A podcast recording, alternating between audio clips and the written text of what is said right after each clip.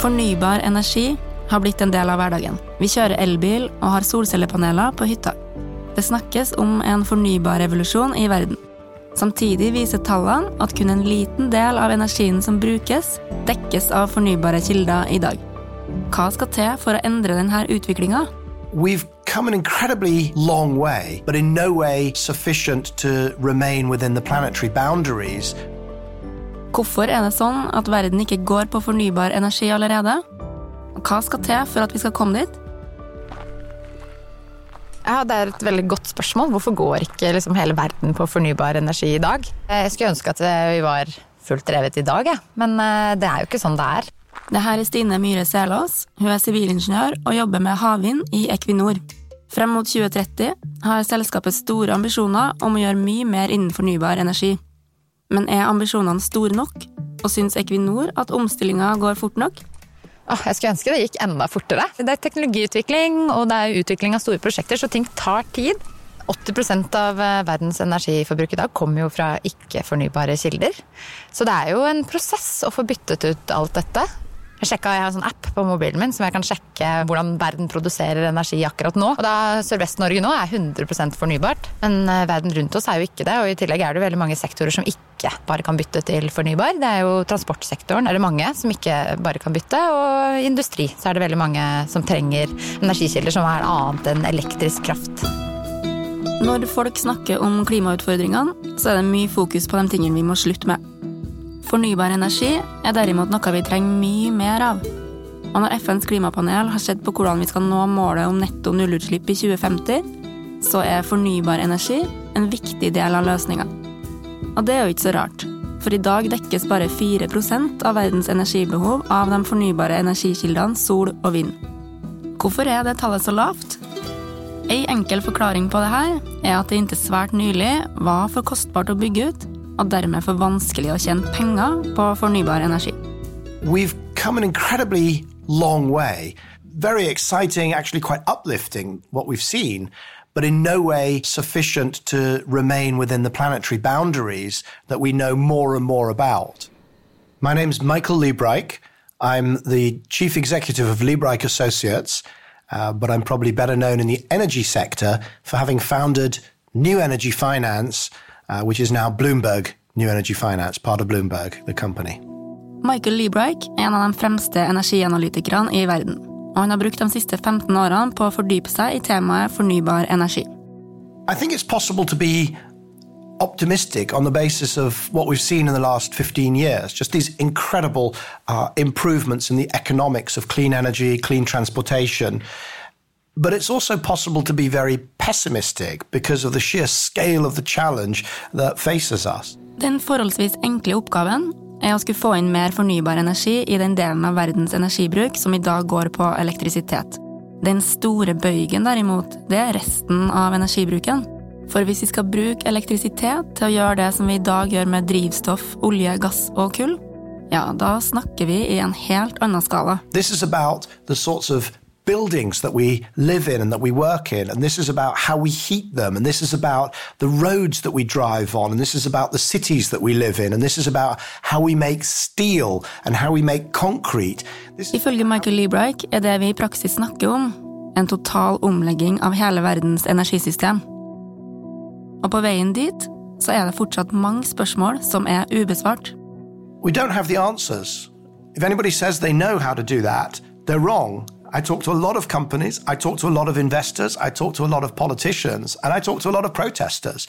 Um, nobody has the answers, but that is the journey that we're all on as we figure out what does the energy system, the transport system, what does the entire economy of the future look like?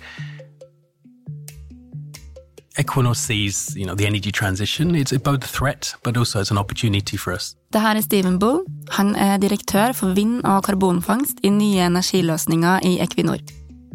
En av de viktigste oppgavene han har akkurat nå, det er å sørge for at det nye satsingsområdet til selskapet kan bli et lønnsomt bein å stå på. I think having new energy solutions as a, as a separate business really helps us get our head around that one, that we look at opportunities in the transition. And that goes both for you know, reducing this carbon footprint of our oil and gas operations, but particularly driving renewables as well.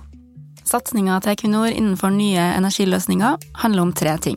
Fornybar energi, få ned utslipp og utvikle ny teknologi. I mean, we're in a great position already. We have a million European homes that already have power from our uh, offshore wind operations in the UK and Germany. We won the world's largest uh, offshore wind auction just a couple of weeks ago in the UK. This is 3,600 megawatts. It's a huge project. We have the US, which we're developing as well. We have Poland in the portfolio, South Korea, Japan's coming along. There's a ton of different work that we're doing here. So, you know, I think to get a global position is really important for us, but it has to be profitable. This is the main thing for us. We have to build a profitable business. Equinor er ikke alene om å vri en større del av virksomheten sin inn mot fornybarsektoren akkurat nå.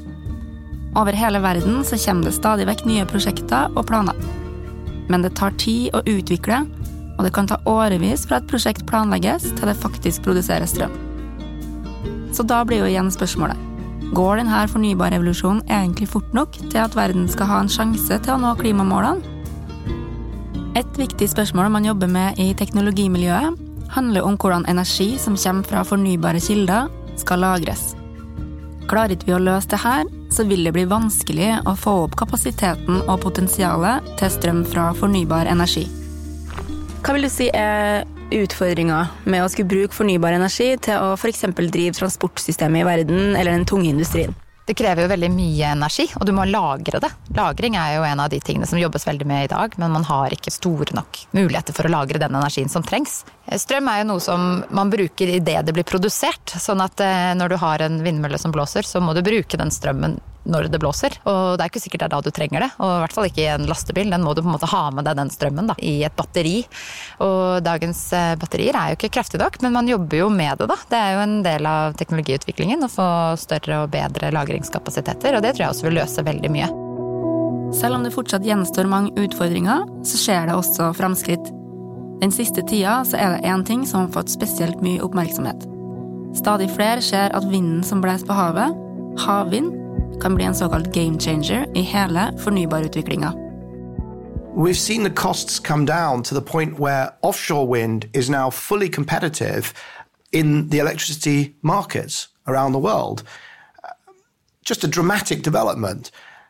If that continues, and in particular, if we could get floating offshore to be the same cost or approximately the same cost as fixed offshore, that opens up enormous possibilities to decarbonize not just electricity, but industries right across the economy. That would be very exciting. So, offshore wind could really be a huge game changer. Offshore wind, eller havvind, det er et ord som er kommet for å bli. Her skiller vi mellom to typer. Det ene er bunnfaste installasjoner, og det andre er flytende vindturbiner. Det er ikke bare Michael Liebreich som sier at havvind kan bli en game changer. Det internasjonale energibyrået IEA kom akkurat ut med en egen havvindrapport. Den sier at over 1000 milliarder dollar kommer til å bli investert i nye havvindparker frem mot 2040. Og Equinor er en av aktørene som er aller lengst frem. Ja, vi har jo nå tre kjempestore vindprosjekter nå i Equinor. Og det er Empire Wind, som er utenfor eh, New York. Så har vi Hywind Tampen, som er eh, flytende turbiner som vi skal koble til noen av oljeplattformene våre. Det siste er Doggerbank, som er prosjektet jeg jobber på. Det kommer til å bli verdens største offshore vindpark. Og der skal vi gi strøm til eh, tilnærmet 4,5 million britiske hjem. Så det er jo et kjempeprosjekt. Det var veldig kult å, å få være med og bygge ut det, og det kommer jo til å være med å endre oss som selskap. De siste årene er det gjort store framskritt innen teknologi og kostnader i fornybar energi, og det gjør at utviklinga nå går raskere enn den noen gang før har gjort. Men hvis verden skal nå klimamålene, så må det gå enda fortere. Fornybarekspert Michael Liebreich tror at det er viktig at alle tar inn over seg at dette er en oppgave som må løses i fellesskap.